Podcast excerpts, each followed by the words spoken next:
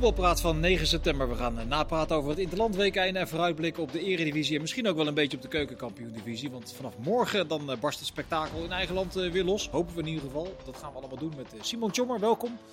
Het Wiegers Maduro net terug uit Polen met de jong, wat is het, onder 17 was je, was je op pad. Daar gaan we zo over praten ook. Over de uh, belofteploegen. En Michiel Teling van de ESPN. Michiel, wat je vanmiddag aan de lijn, toen vroeg ik, wat is nou het moment eigenlijk van die hele Interlandweek wat je het meest is bijgebleven? Het kan iets geks, iets positiefs, iets negatiefs zijn. Nou, het was niet echt iets geks. Het was meer gewoon de wedstrijd van het Nederlands elftal tegen Turkije. Ja, als je daar niet van kan genieten de eerste helft, dan, uh, ja, dan weet ik het ook niet meer. Dus dat springt er natuurlijk voor mij het bovenuit. De Klaassen die, ja, die fantastisch was. Uh, combinatie met Memphis, beide goals. De 1-0 en de 2-0. Ja, dat, dat was voor mij echt het hoogtepunt. Ja, was een beetje een tendens. Eh, heren, kijk even naar links. Dat, uh, toen Van Gaal gepresenteerd werd, was er toch ook een deel van de sportpers die zei van ja, hoor, een beetje armoedig dat je bij Van Gaal uitkomt. Nu is het 180 graden de andere kant op. Volgens mij is iedereen lovend over de man. Want zo gaat dat dus in iets meer dan een week. En voorkomen terecht. Ik bedoel, je ziet de vastigheid in de ploeg. Je ziet ook de progressie die de ploeg door heeft gemaakt in één week. Oké, moeten we afwachten hoe het verder gaat. Maar ook wat je hoort, volgens mij, of wat je ziet bij het team, hoe ze alles opnemen. Nou, ik denk dat het de juiste stap is en ik hoop dat Van Gaal zijn mannen achter zich al opleidt om het stokje over te nemen zodra hij uh, stopt. Ja, want dat, dat klopt. Dat, zeg je nu in een bijzinnetje. Maar dat is wel een, uh, een thema, volgens mij ook binnen de KNVB. Hoe zorg je er nou voor dat er een volgende bondscoach, uh, het Wiegers, kijk even naar jou, want je zit in die, in die organisatie, dat hij in het spoor van Van Gaal ook die feeling met zo'n elftal Ja, kijk, het begint een beetje, denk ik, qua speelstijl een beetje als je kijkt naar Van Gaal en het Nederlands elftal, hoe ze spelen, uh, heeft hij bijvoorbeeld heel simpel gewerkt aan als we de bal verliezen, direct druk op de bal. Met z'n allen. Gewoon direct druk, energie erin leveren. Maar dat zegt toch iedere trainer? Waarom kan hij het dan wel... Dat zegt niet iedere trainer. Nee? Sommigen zeggen gewoon uh, stak in. Bij de KNVB ook hoor. Heb je de... Dus er moet één lijn komen. Nee, nee, maar dat kan. Die openheid is er.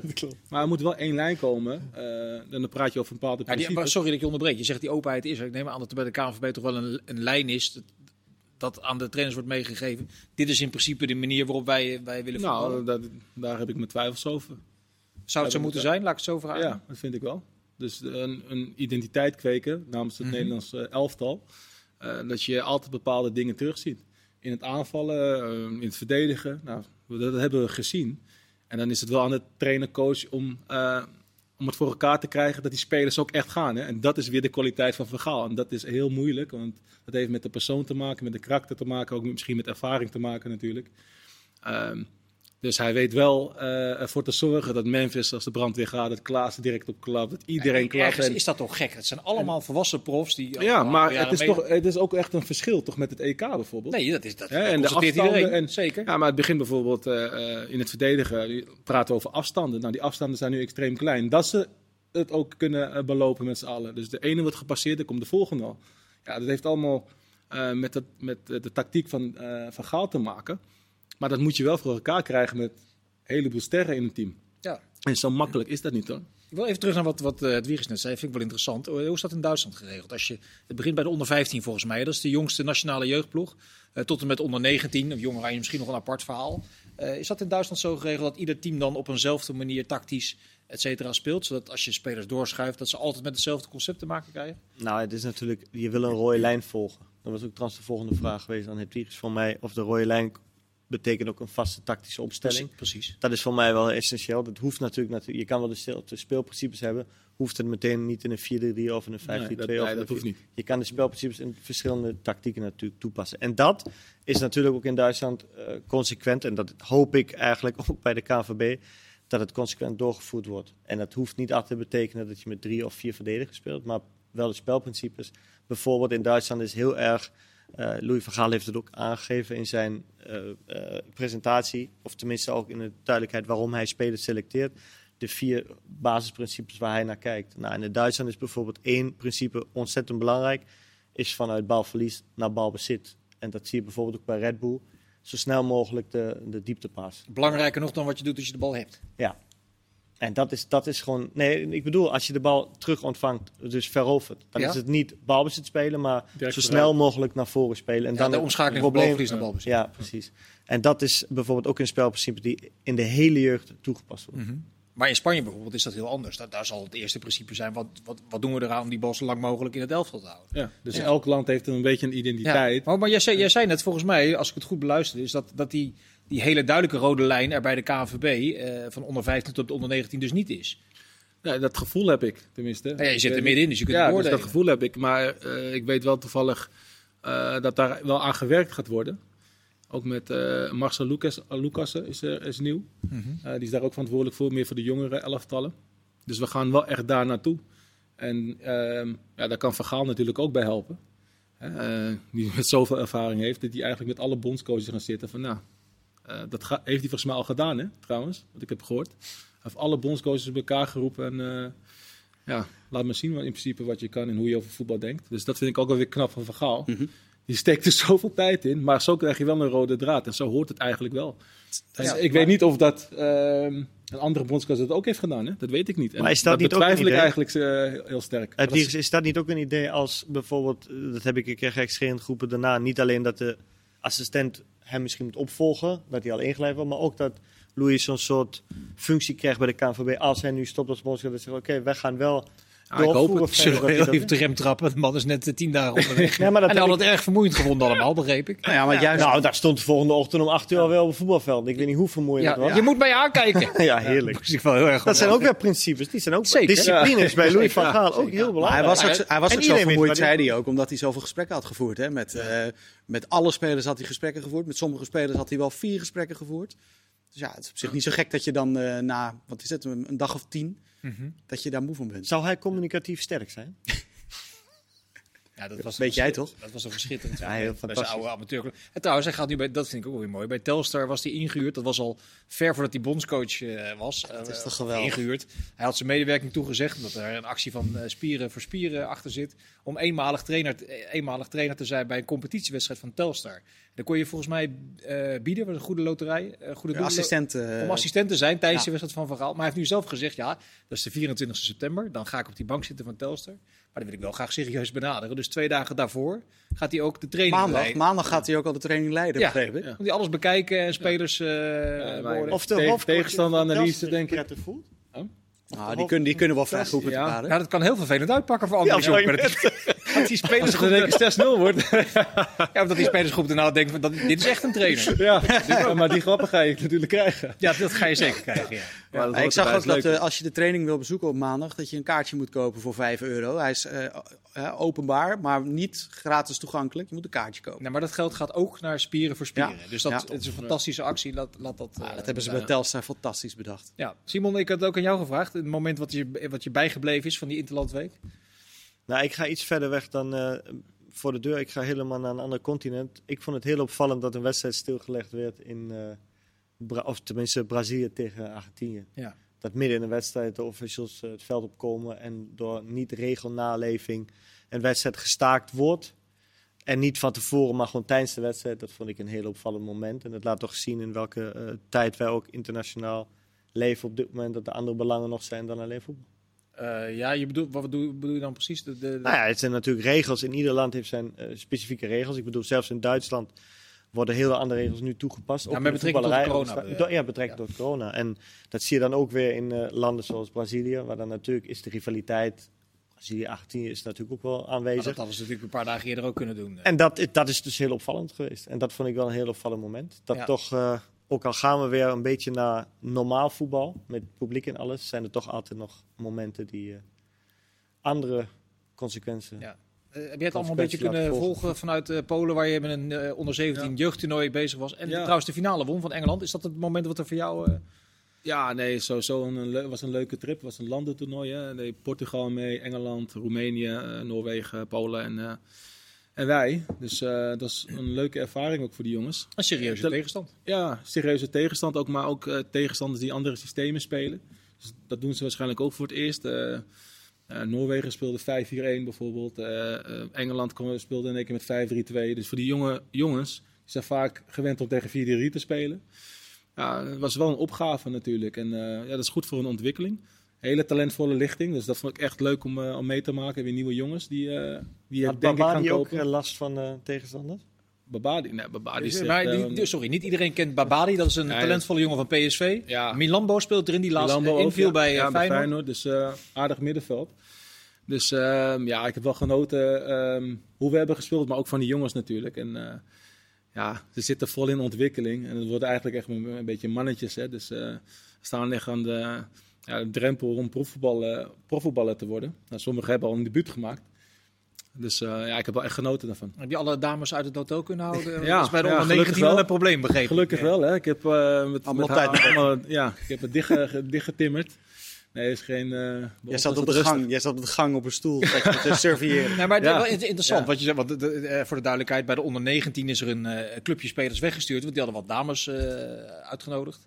En ook de muziek, begreep ik, vrij hard gezet. Slim. Ja. Dus die werden eruit gebonjourd. Ehm, kun je daar iets mee als, als trainer, als, je- als, als zo'n Ja. voorval zich, zich voordoet? Ja, wij hadden ook een bespreking, eh, die stond al gepland. En over een aantal kernwaarden bij de KNVB. Nou, er staat ook professionaliteit bij.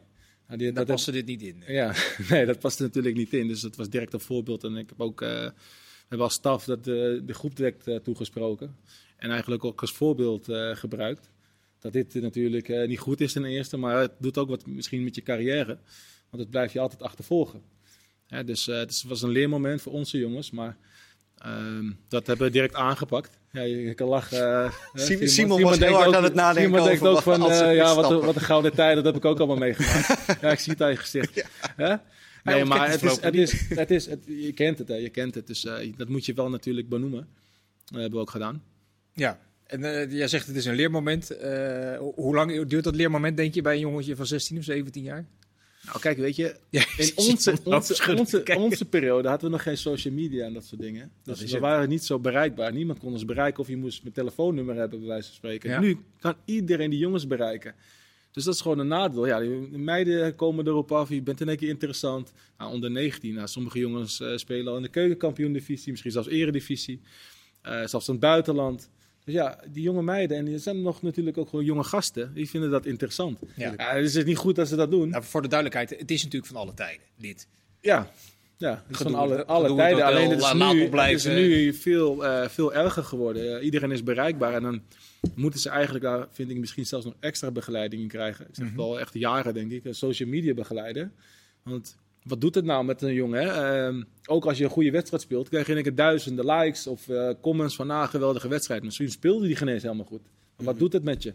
Of juist dat je helemaal afgemaakt wordt op social media. jonge gasten zijn 16, hebben nog niks bereikt, maar honderden mensen zeggen van, je was super slecht, je was nep. eh, Ja, maar da- daar raak je wel de kern. Want voor ons is het in eerste instantie een grappig bericht. Maar zo'n jongen, die kan daar natuurlijk erg lang last van, eh, van houden. Ja, daarom. Dus, Ja.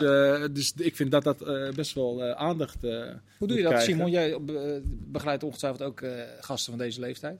Spreek je ze daarop aan? Vanaf 16 jaar. Ja? Ja, nou ja. Of heb je daar een traject voor of een programma voor? Nee, sorry, de- ten eerste is het zo dat wij daar openbaar over praten natuurlijk. En ook duidelijk zeggen wat allemaal gaande is. Ik moet wel zeggen, ik heb geluk dat mijn jongens bijna niet op social media zitten.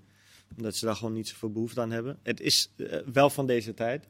En ik zag een mooie suggestie, wat, wat wij natuurlijk niet kunnen veranderen. Maar van, eh, van Steven Berghuis, die natuurlijk onwijs veel dingen heeft meegemaakt. Dat ook op social media zich eigenlijk iedereen eh, kenbaar moet maken. En dat men hem kan achterhalen. Ik denk dat dan veel Ja. eerlijkere comments zouden komen Zeker. en ook m- meer beter erover nagedacht Ja. worden. Wat je, Maar ik denk niet dat wij je- met z'n vier hier aan tafel Nee, dat krijgen we niet voor elkaar. Dus je wereld moet- eh, dus je moet. uh, Ah. Het zou wel leuk zijn trouwens. Als Ja, dat zou wel ja. een stunt zijn ook trouwens. Als dat Ja, het zal ook goed zijn Als mensen daar naar luisteren. Maar terugkomen op het verhaal. Nee, natuurlijk wordt er open over gepraat. Er zijn ook vaak momenten geweest, niet alleen bij jonge spelers, maar ook bij oude spelers, waar je in moet grijpen of waar je dingen moet gaan veranderen. En dat moet snel gaan. En niet iedereen laat je eerst het bericht lezen voordat hij post. Maar dat is bij velen wel, eh, zal het positief zijn.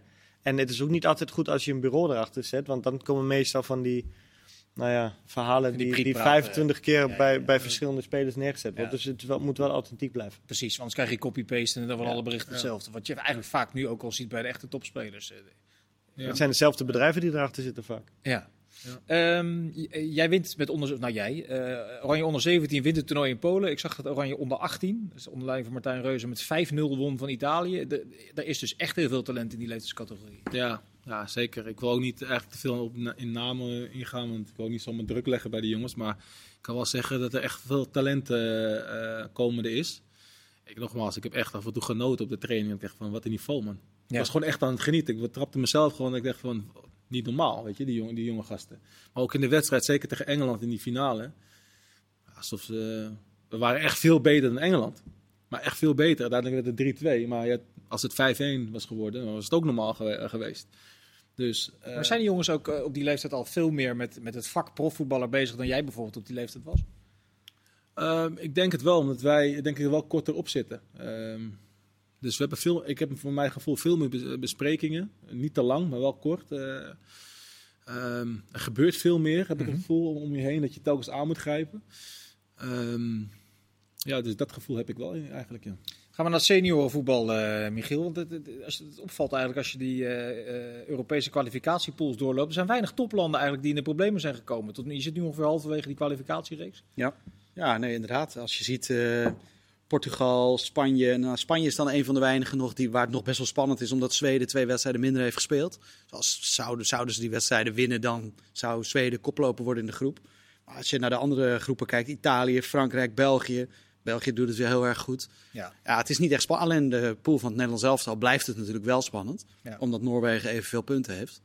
Maar de grote landen doen eigenlijk wat ze moeten doen. En die winnen de. Ja, je hoort ze vaak, het zijn geen kleintjes meer. Maar dat, eh, dat blijkt toch niet zo te zijn. Nee. Want die grote landen doen het gewoon hartstikke goed. Daar valt Duitsland ook onder, die, die overgang naar, eh, naar Vliek. Dat, was dat misschien een beetje stroef misschien, maar, maar is de glimlach terug bij Duitsland? Of is die nooit weg geweest?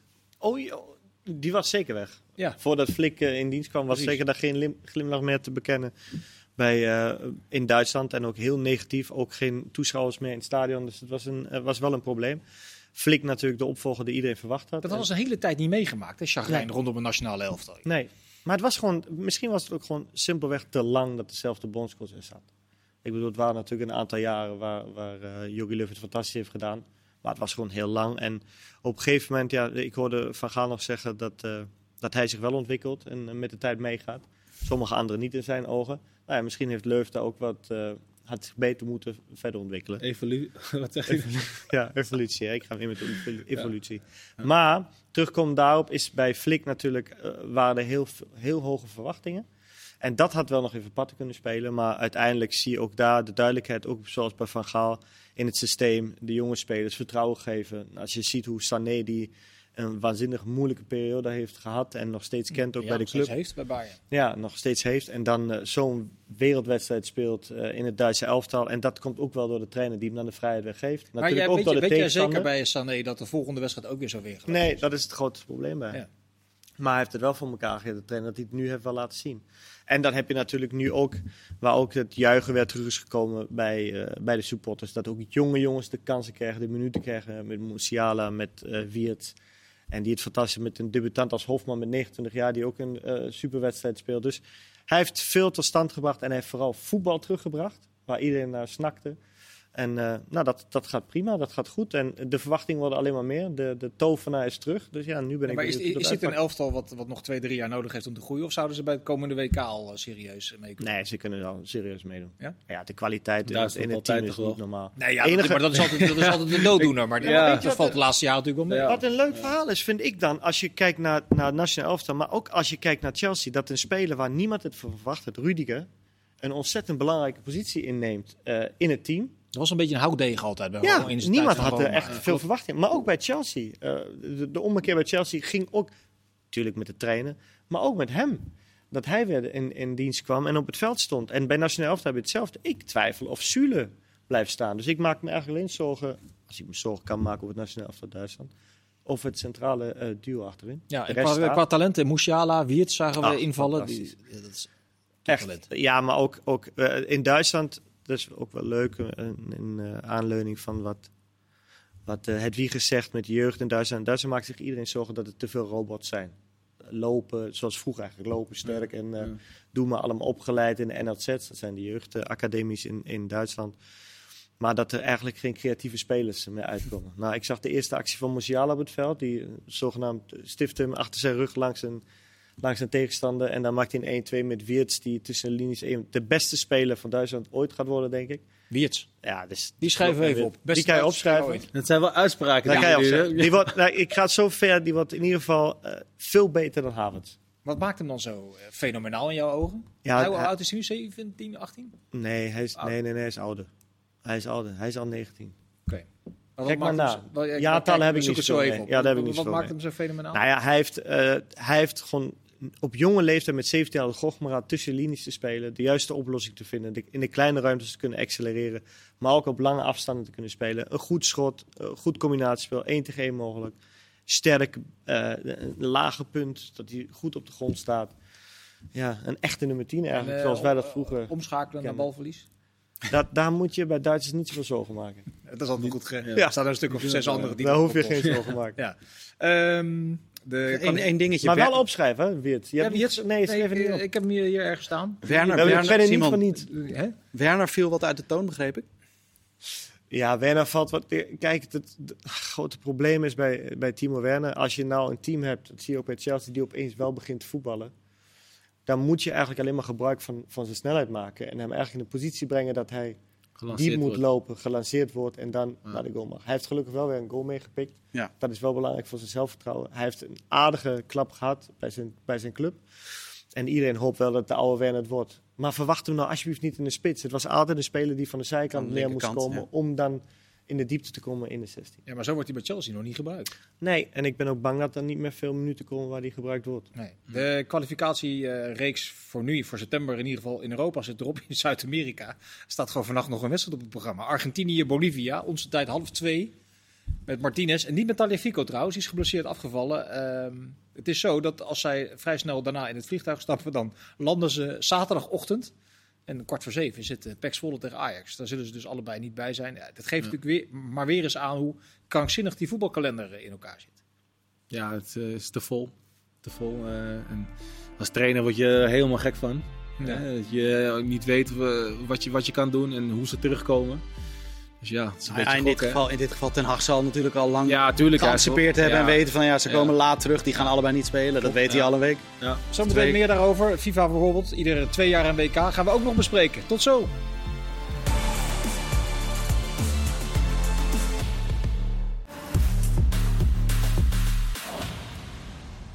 Deel 2 van Voetbalpraat. Beginnen we met eh, wat het nieuws van de avond natuurlijk eh, is. Dat is het stoppen van Guus Hiddink. Dan definitief als voetbalcoach, 74 jaar. ehm, met Curaçao uiteindelijk eh, het stokje overgegeven aan Patrick Kluivert. En heeft nu aangegeven, ik doe geen advocaatje meer. Ik stop er helemaal mee.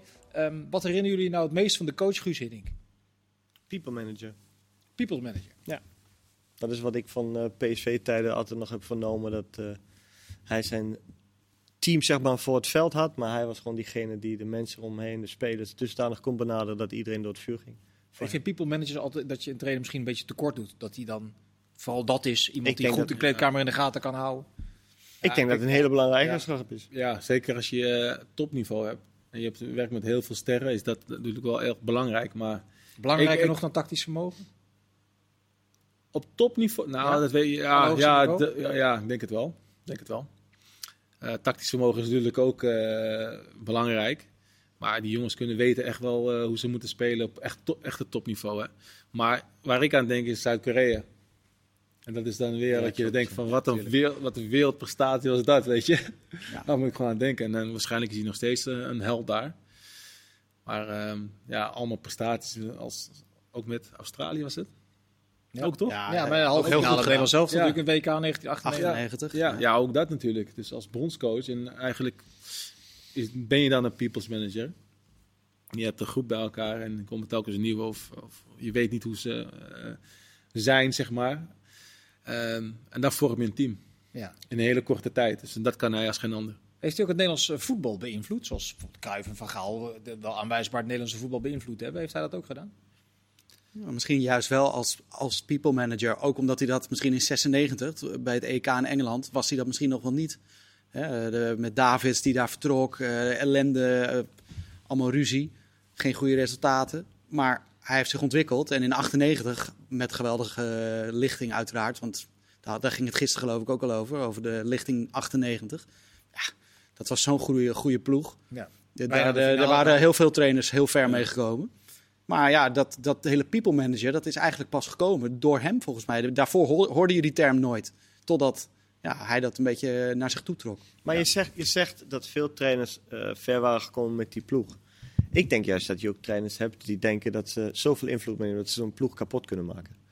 En dat was juist een kwaliteit. Ja. Ik denk dat de trainer vaak meer kapot kan maken bij topspelers dan dat hij echt nog iets, iets naar Ik boven heb ook eens een maar keer die selectie was natuurlijk wel fantastisch, toch? Ja, absoluut. Ik heb dus ook een verhaal over hem gehoord. ehm, dat hij heel veel op gevoel deed.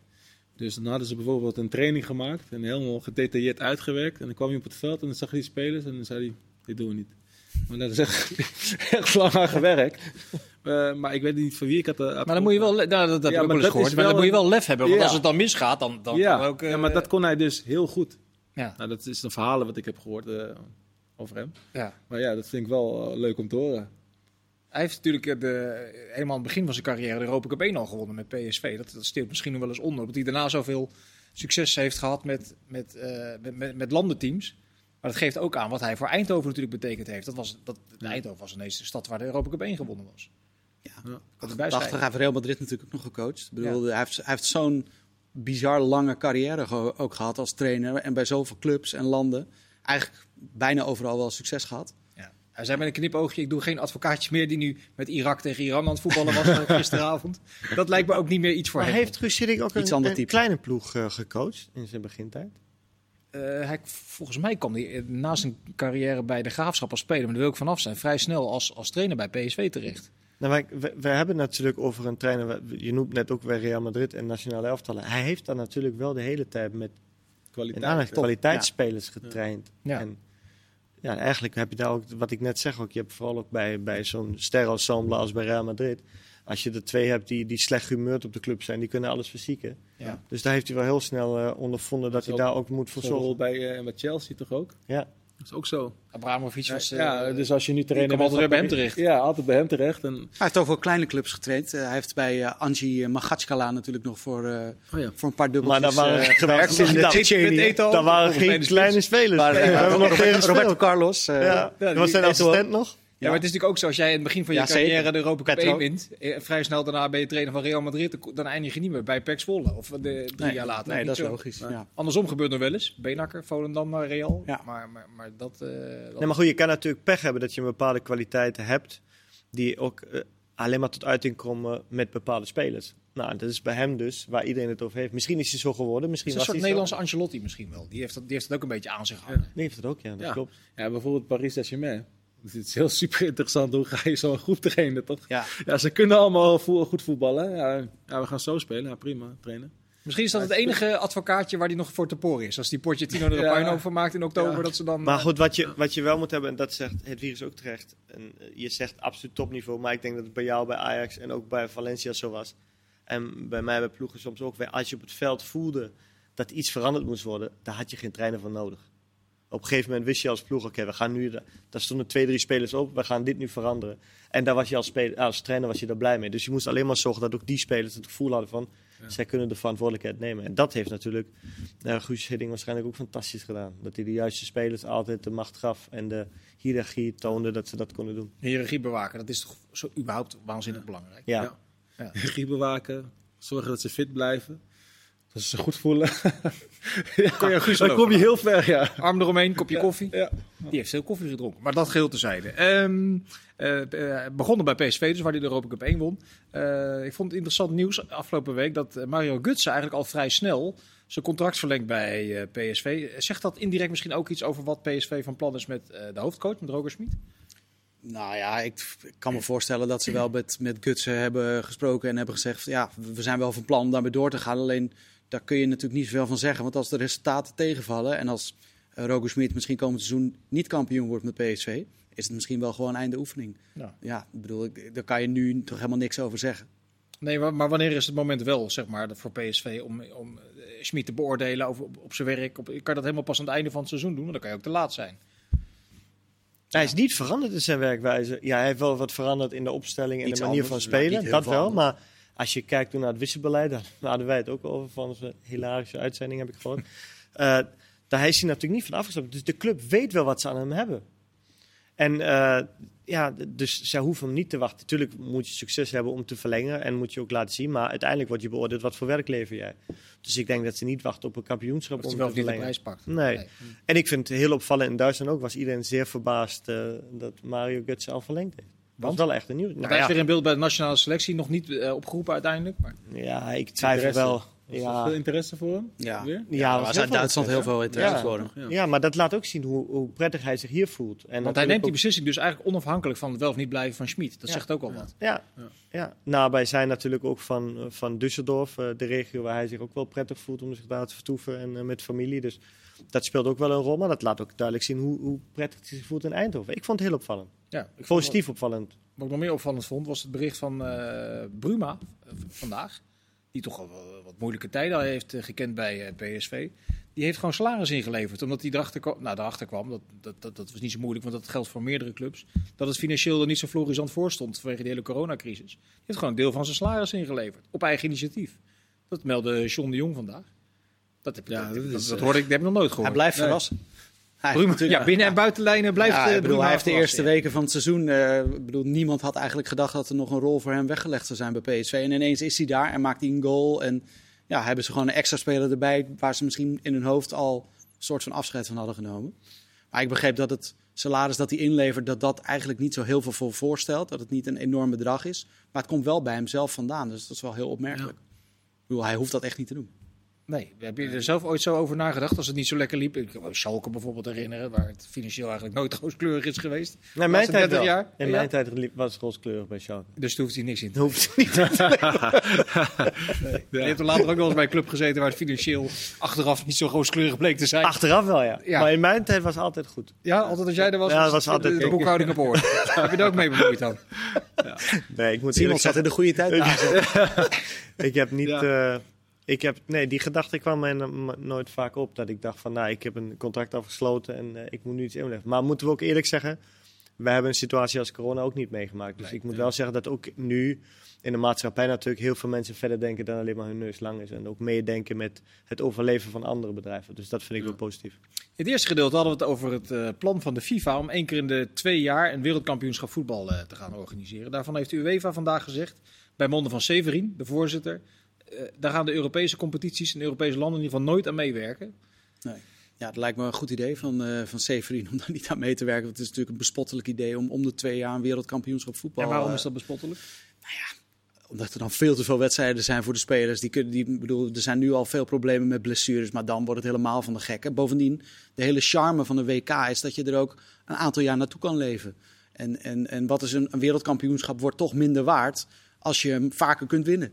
Dus ja, ik vind het gewoon echt een heel slecht idee. Ja, maar eh, van Charme kun je de rekeningen niet betalen. eh, Nee, maar goed, ik snap ook wel, Severin zegt dit ook eh, omdat hij ziet van ja, dan kunnen we misschien minder vaak een EK houden. Hoe gaan we dat dan doen?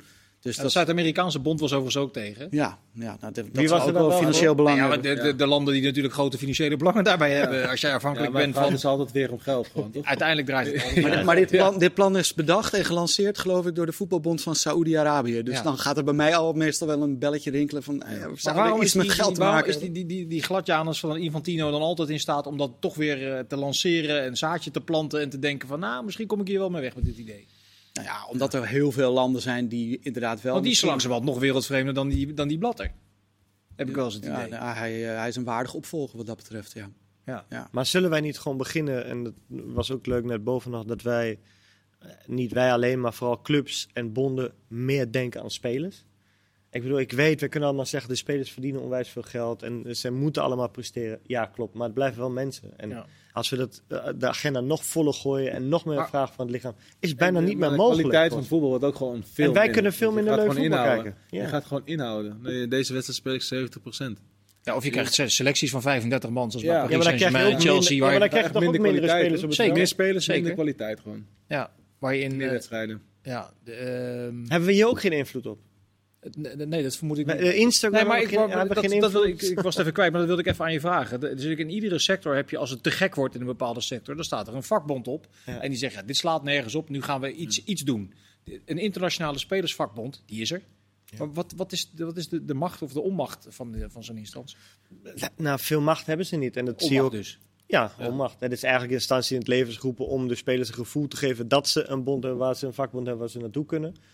Maar uiteindelijk eh, interesseert het heel weinig wat er gezegd Zitten die wordt. überhaupt aan tafel als er dit soort plannen bedacht worden? Nee. Nee. Die mogen later dan bellen om te zeggen we zijn er tegen. En dan eh, hoop ik dat ze doorkomen als ze bellen. Nee, dus dan zou het in, in dit geval zou het helpen als je een aantal topvoetballers hebt die eh, een keer met de vuist op tafel slaan en zeggen: Ja. luister, eens, dit, Ja, dit kunnen dat we zou niet ook eens een keer gewoon deze. eh, moeten gebeuren, ja, inderdaad. Ja, waarom doen ze dat? Waarom doen ze dat? Ja, dat weet ik niet, maar misschien krijgen ze die kans niet om dat te doen. Nou ja, heel het veel- want je hoort het overal. Elke trainer zegt het. Want het kalender zit vol. Maar er wordt nooit wat aan gedaan. Maar heel veel top of grote voetballers uit bepaalde zitten natuurlijk ook meestal dan in functies bij de bond. Ja. Toch? Dus die hebben eigenlijk al de mogelijkheid om in te grijpen. Ik bedoel, ik weet uit bepaalde bonden bijvoorbeeld. In Turkije zit bijvoorbeeld een Altin top zit bij de bond. In Georgië zit de Kobiasvili. Dus dat zijn al de grote spelers uit de landen. Mhm. En Yashvili zit daar. Dus die kunnen al direct ingrijpen. Dus die hoeven, daar hoeven helemaal geen spelersvak. Want die hebben al de mogelijkheid daar. Maar goed, die bonden zijn natuurlijk ook allemaal wel tegen. Weet je? Ja. Die, eh, maar, Maar is het gaat natuurlijk ook om landen die- in Afrika die, eh, ja, die willen geld. En die, willen, die denken van nou, dit is misschien nog een manier om, Ja, om daar wat geld binnen te natuurlijk bij, die WK's vloeit er altijd geld terug naar de bonden. En Precies. hoe vaker Ja. dat het geval is, des te meer geld eh, krijgen ze daar. Ja, of, ja, er moeten meer kwalificatiewedstrijden worden gespeeld. Ja, het is natuurlijk helemaal niet te plannen straks. Het is nu al bijna niet te plannen. Hoe ga je dat dan doen? Nee, Het kan helemaal niet. Klopt. Eh, dat afgerond, we hebben bijna al het nieuws van de dag wel behandeld. Eén dingetje nog, de presentatie van Luc de Jong was vandaag bij eh, Barcelona. Dat, dat kinderachtige hoog houden voor een bord. Waarbij je altijd maar hoopt dat hij dat het in ieder geval dat hij dat in ieder geval de 10 haalt. Heb ik altijd als ik naar zit te kijken. Hoe Ja, kijken dat is- jullie daarnaar? Nou, dat is best wel stressvol, hè? Want Dat iedereen kan weet ik me zo voorstellen. Ja, er staan er 46 Ja, camera's in het lege camera's en stadion. zo, ja. En dan krijg je in een bal te, eh, gegooid. Er zijn sommigen die gefaald hebben. Hè? Ja, er zijn Ja, zoveel. die Dembele is een mooi voorbeeld. Die kon, die kon die bal niet meer vijf keer eh Ja, er was een eh, spits van Zaragoza, die kwam aandribbelen, die struikelde gewoon over de bal. Wie was alweer? Spanje, nee, ik weet niet meer hoe die heet, maar zoek maar op op YouTube. Spits Ja, van, ja, ja. eh, die vind je wel, hè? Ja, dan ben je al klaar voordat je moet beginnen. Maar het is wel- het een rare Spaanse traditie dan om dat op die Ja. manier te doen. Ja, nou, ik weet het niet, maar eh, het wordt altijd gedaan. Het is wel dapper dat hij dan dat balletje ook daadwerkelijk toch hoog gaat houden. Hij kan hem natuurlijk ook gewoon voor de zekerheid gewoon onder de arm klemmen en een Ja, paar keer nu vrolijk in de dat camera kijken. weggeschoten. nu we dit toch min of meer serieus aan het analyseren dat is, zijn. eh, Waarom halen ze al zo'n rare stoute bal uit, eh, uit de clubshop? Dat, dat, daar valt, die eerste drie keer zag ik die bal. eh, Een strandbal. een soort strandbal, ja. Ja. ja. Ja, het moet natuurlijk vermakelijk blijven. Ik denk dat ze hier een streep onder gaan zetten. Ja, dit dit ook onderwerp. geen leuk Jong. onderwerp. Nee, maar het, wel, het, eh, wat ik wel leuk... Ik bedoel, die zal toch ook wel eens in zijn arm geknepen hebben. Ja, je ziet hem Hoe is nou mogelijk dat- ik bij Barcelona terechtgekomen ben? Of is dat, is dat ironisch wat ik nu zeg? Ik weet niet. Ik, also, ik denk dat het nu dat het op de laatste dag nog zo eh, door is gezet, dat was zeker verrassend. En ook voor hem natuurlijk. Maar ik denk dat er wel al eerder contact is geweest met, eh, met de coach natuurlijk. Ik bedoel, Ronald Koeman kent hem heel goed. En eh, vorig jaar in oktober waren er al geruchten dat er iets speelde. En eh, nou, nu is het in ieder geval doorgezet. En ik vind wel opvallend eh, dat, dat Barcelona nu inmiddels wel kiest ook voor een speler. Die, eh, waar ze dus ook zeggen, we hebben de kwaliteiten, een koppen, we hebben een aanspeelpunt nodig. Ja. Dat was natuurlijk Dat hadden ze jaren nooit. daarvoor nooit. Nee, en nu is het ook eh, zo. wist je gewoon, Piqué gaat naar voren. Ja. Oh, oh, is naar achter 1 Dus Ja, wat gaan ze Je- doen? Oh, kijk op de bank, we hebben en geen ook wel zien in welke situatie Barcelona zich bevindt. En eh, dat Luc fantastische kwaliteit heeft met zijn, met zijn hoofd vooral, met koppen en aanspeelbaar. Natuurlijk nog meer, maar dat zijn zijn specifieke kwaliteiten. En dat daar Barcelona nu naar op zoek was, laat ook zien wat, nou, waar ze naar kijken. Ja, er zijn trouwens ook verhalen in Barcelona dat eh, Laporta erover denkt om eh, het contract met Koeman open te breken en te verlengen. Eh, als je het omdraait, zou Koeman daar nu al heel gretig op moeten reageren? Of juist even, ja, jij schudt van ja? Ja, meteen verlengen. Ja, absoluut, meteen verlengen. Dus was Maar altijd klein- het kan toch ook geen kwaad om een klein beetje een halfjaartje af te wachten? Maar waarom? Ja, allemaal in? Spanje is alles wel onzeker, hè, vaak. Hè. Meteen beter gewoon tekenen. Hij Meteen ja, oud houdt tekenen. van Barcelona. Hij woont in Barcelona. Ja. Hè, dus ja, Ja, dit is toch zijn droomclub. een dus droomclub. Moet je dus het meteen kan doen. eh, verlengen, ja. Bovendien, La- verlengen. Laporta ging nu al de druk een beetje opvoeren door te zeggen dat het absoluut geen tussenjaar was. Dus eh, veel succes. Ja. Ik bedoel, Goed, gaan we zien of dat eh, gaat gebeuren. We hebben nog een minuut of vijf om even vooruit te kijken naar met name de Eredivisie. Zaterdag staat er een zeer interessante wedstrijd op het programma. Dat zou je de eerste topper van het seizoen kunnen noemen. AZ tegen PSV, hoe verhoudt zich dat? in ieder geval heeft PSV veel meer wedstrijden gespeeld. Tien al, tien officiële wedstrijden. AZ wat minder. Daar staat tegenover dat PSV de laatste vier wedstrijden officieel van AZ allemaal verloren heeft. Maar was dat, Ja. is toch een heel ander zet. Dat is wel een behoorlijk ander AZ. Ik bedoel, op dit moment Zegt ook niet zo gek En ook een heel ander PSV. Ja, maar en Ja. precies ook die verhouding gemaakt, allebei. Dus ik had vorig jaar ik het als topper beschouwd. ik vind op dit moment is het natuurlijk AZ jarenlang topprestatie geleverd. Maar als je zoveel inlevert aan kwaliteit. En nu kom het in mijn ogen tegen de op dit moment stabielste ploeg van de, van de Eredivisie.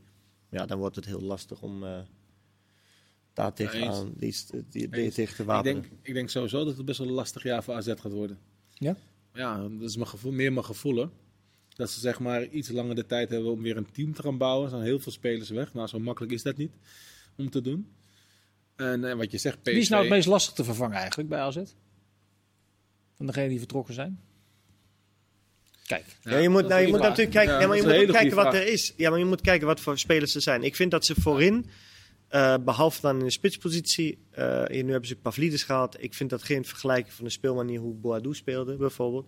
Maar ze hebben voorin wel attractieve spelers die het verschil zouden kunnen maken als ze in het goede doen zijn. Maar zijn jonge spelers. Carlson. Natuurlijk, Karl, Karls. Op het middenveld, ja, maar op het middenveld bijvoorbeeld nu nog Mietje. En dan vind ik bijvoorbeeld zijn compagnon Koopmeiners, die, die gewoon een, een ja, Ik zou verbindingstuk was. Dat vind ik op dit moment. Terwijl ik nooit had gezegd, vorig jaar, dat is nou de belangrijkste of de beste speler. Maar nu in het team, als verbindingsspeler, als degene zeg maar, die alles goed is, ja, denk ik toch dat hij de, het moeilijkste te vervangen is. Ook met de spelers die erachter zitten. Ja, denk ik. Ja. Dus dat wordt een eh, overwinning voor PSV. Schatten jullie eh, in? Ja. Michiel? Ik denk het wel. Ja, ik, ben, ik ben benieuwd of we Vinicius in actie eh, gaan zien. Die, eh, die nieuwe spits die ze gehuurd hebben van Benfica. Ben ik erg benieuwd naar. Ja, het zou bedoel, kunnen, want eh, Gakpo is... eh, Ja, ik hij heb begrepen dat hij eh, twijfelachtig. Ja, Hoe lang is Gakpo eruit? Eh, dat weten ze niet. Het is een race tegen de klok, begreep ik, voor die dus wedstrijd hij van is niet echt... Nee, het is niet, het is niet een extreem eh Ja, ja, vervelende oké. blessure. Oké. Pek tegen AZ. Pek zonder Clement. Is nog puntloos en maakt er nog geen doelpunt. Pek tegen Ajax, ja. Wat zei ik tegen? AZ zei Oh, sorry, tegen Ja. Ajax, ja. ja. Ehm, dat, dat, wordt, kom, dat komt wel eens lastig worden voor de ploeg van Art Langeler. Ja, nou ja, Taya Fico eh, is waarschijnlijk wel op tijd terug. Maar misschien dat Ten Hag ook zoiets heeft van, nou ja, je bent toch laat terug, dus ik stel hem niet op. Eh, dan zou Blind linksback kunnen spelen, maar misschien dat dat voor Zwolle allemaal niet zoveel uitmaakt. Die gaan natuurlijk gewoon echt een, eh, een loodzware avond tegemoet. Dat kan niet anders. Ja, Blink Ook, natuurlijk ook nog links centraal achterin als Martinez. eh. Ja, kan zeker. Kan zeker. Maar Peck heeft het al eh, moeilijk genoeg gehad de eerste wedstrijden. Maken, maken amper goals. Dus ja, die moeten echt Ja. eh, schade beperken. En, Nee, ik denk dat ze allemaal niet spelen. Tagliafico niet. Al die, eh, die van ver komen, die gaan niet spelen. Nee, ze, hebben voldoende, nee, ze hebben voldoende spelers om te vervangen. Ook op de linksbackpositie, eh, links centraal. Alleen ja, Peck, wat je zegt, ze scoren niet. Hè? Geen een, van de beste spelers van Peck is ook nu uit de relatie. Clement, die is Ja, ja. geopereerd aan zijn enkel. Ja, Clement is ook een goede speler, maar hij kan ook niet scoren. Nee, nee dat Dus dat was altijd het probleem. Hij heeft in de spits gestaan, linksbij hangend aan de linkerkant, Linkerkant, op, eh, op de 10 gestaan. Ik- toevallig was ik de eerste wedstrijd, kreeg hij ook een, speelden ze best goed tegen Vitesse. Eh kregen ze kansen. Ja, ze maken die, die bal niet af, maar hij ook. Ja, dat is dus echt een groot probleem. En ja, aan de voorkant kijk je meestal naar je selectie en denk je van, nou, dit, eh, deze speler scoort er minimaal 8 of uh, 10. zo, zo tel je een beetje. Nou, je komt eh, nu niet echt... je Nee. hebt geen telgram nodig, denk ik. Dat denk ik ook niet. Ehm overigens speelt Feyenoord niet, want die wedstrijd tegen Heracles is uitgesteld. Omdat er dinsdag al door Feyenoord gevoetbald wordt in de eh, eh, Conference Europa Conference League tegen Haifa. Uit om half vijf. Die wedstrijd kunt u alleen trouwens bij ons zien bij eh ESPN. Dinsdag Lastige wedstrijd. half vijf, lastige wedstrijd. Eh, live te zien dus. Ehm Groningen-Herenveen wil ik nog even met jullie bespreken. Is dat een gemaakte derby of een echte derby? Een gemaakte, de gemaakte derby. Nou, ik, vind je het gemaakt? hè? Ja, het gemaakt? gemaakte Kijk, derby of ja, niet? Kijk, weet je, als je daar hebt gewoond bij Groningen, is het niet gemaakt natuurlijk. Ik snap best wel wat de rest van Nederland denkt. Ja, maar ik denk dat de re- rest van Nederland denkt van, nou joh. Maar daar leeft het echt. In Heerenveen en Groningen leeft het. Maar ik denk niet in de rest van Nederland echt. Ja, voor Heerenveen is natuurlijk de derby is Cambuur. Dat is natuurlijk Ja, echt, ja. de- dat is een wedstrijd die, eh, En allemaal een toen, jongen. die echt heel, heel erg leeft. Maar ja, Groningen, En Groningen vind ik Twente wel... was ja, toch altijd? Toch het de- derby van de Noord. Groningen Twente was ja, dat is misschien wat meer eh vijandelijkheid. Ja, wie, eh, wie van de subtoppers Twente-Utrecht is het, het verst van die twee? Utrecht toch? Ja, absoluut. Ik Utrecht heb een heel goed gevoel bij Utrecht. Dus juist wat ik wat minder heb bij AZ dit seizoen, Mhm. heel sterk bij Utrecht. Ik denk Als dat- in? Die kunnen de nummer Ja, die- 3 ja, of 4 worden? Ja, nummer 3, 4 denk ik. Ga ik volledig Ja. tegen. Ja, wel- een fles wijn op het einde van het seizoen. Die, die staat. Schrijf ik op. Wiertz wordt de beste speler ooit van Duitsland. En een fles wijn over eh, Twente tegen Utrecht. Eh, het zit er alweer op, eh, mannen. Simon bedankt. Edwiges bedankt. Michiel bedankt. U bedankt voor het kijken. Graag tot een volgende gelegenheid. Dag.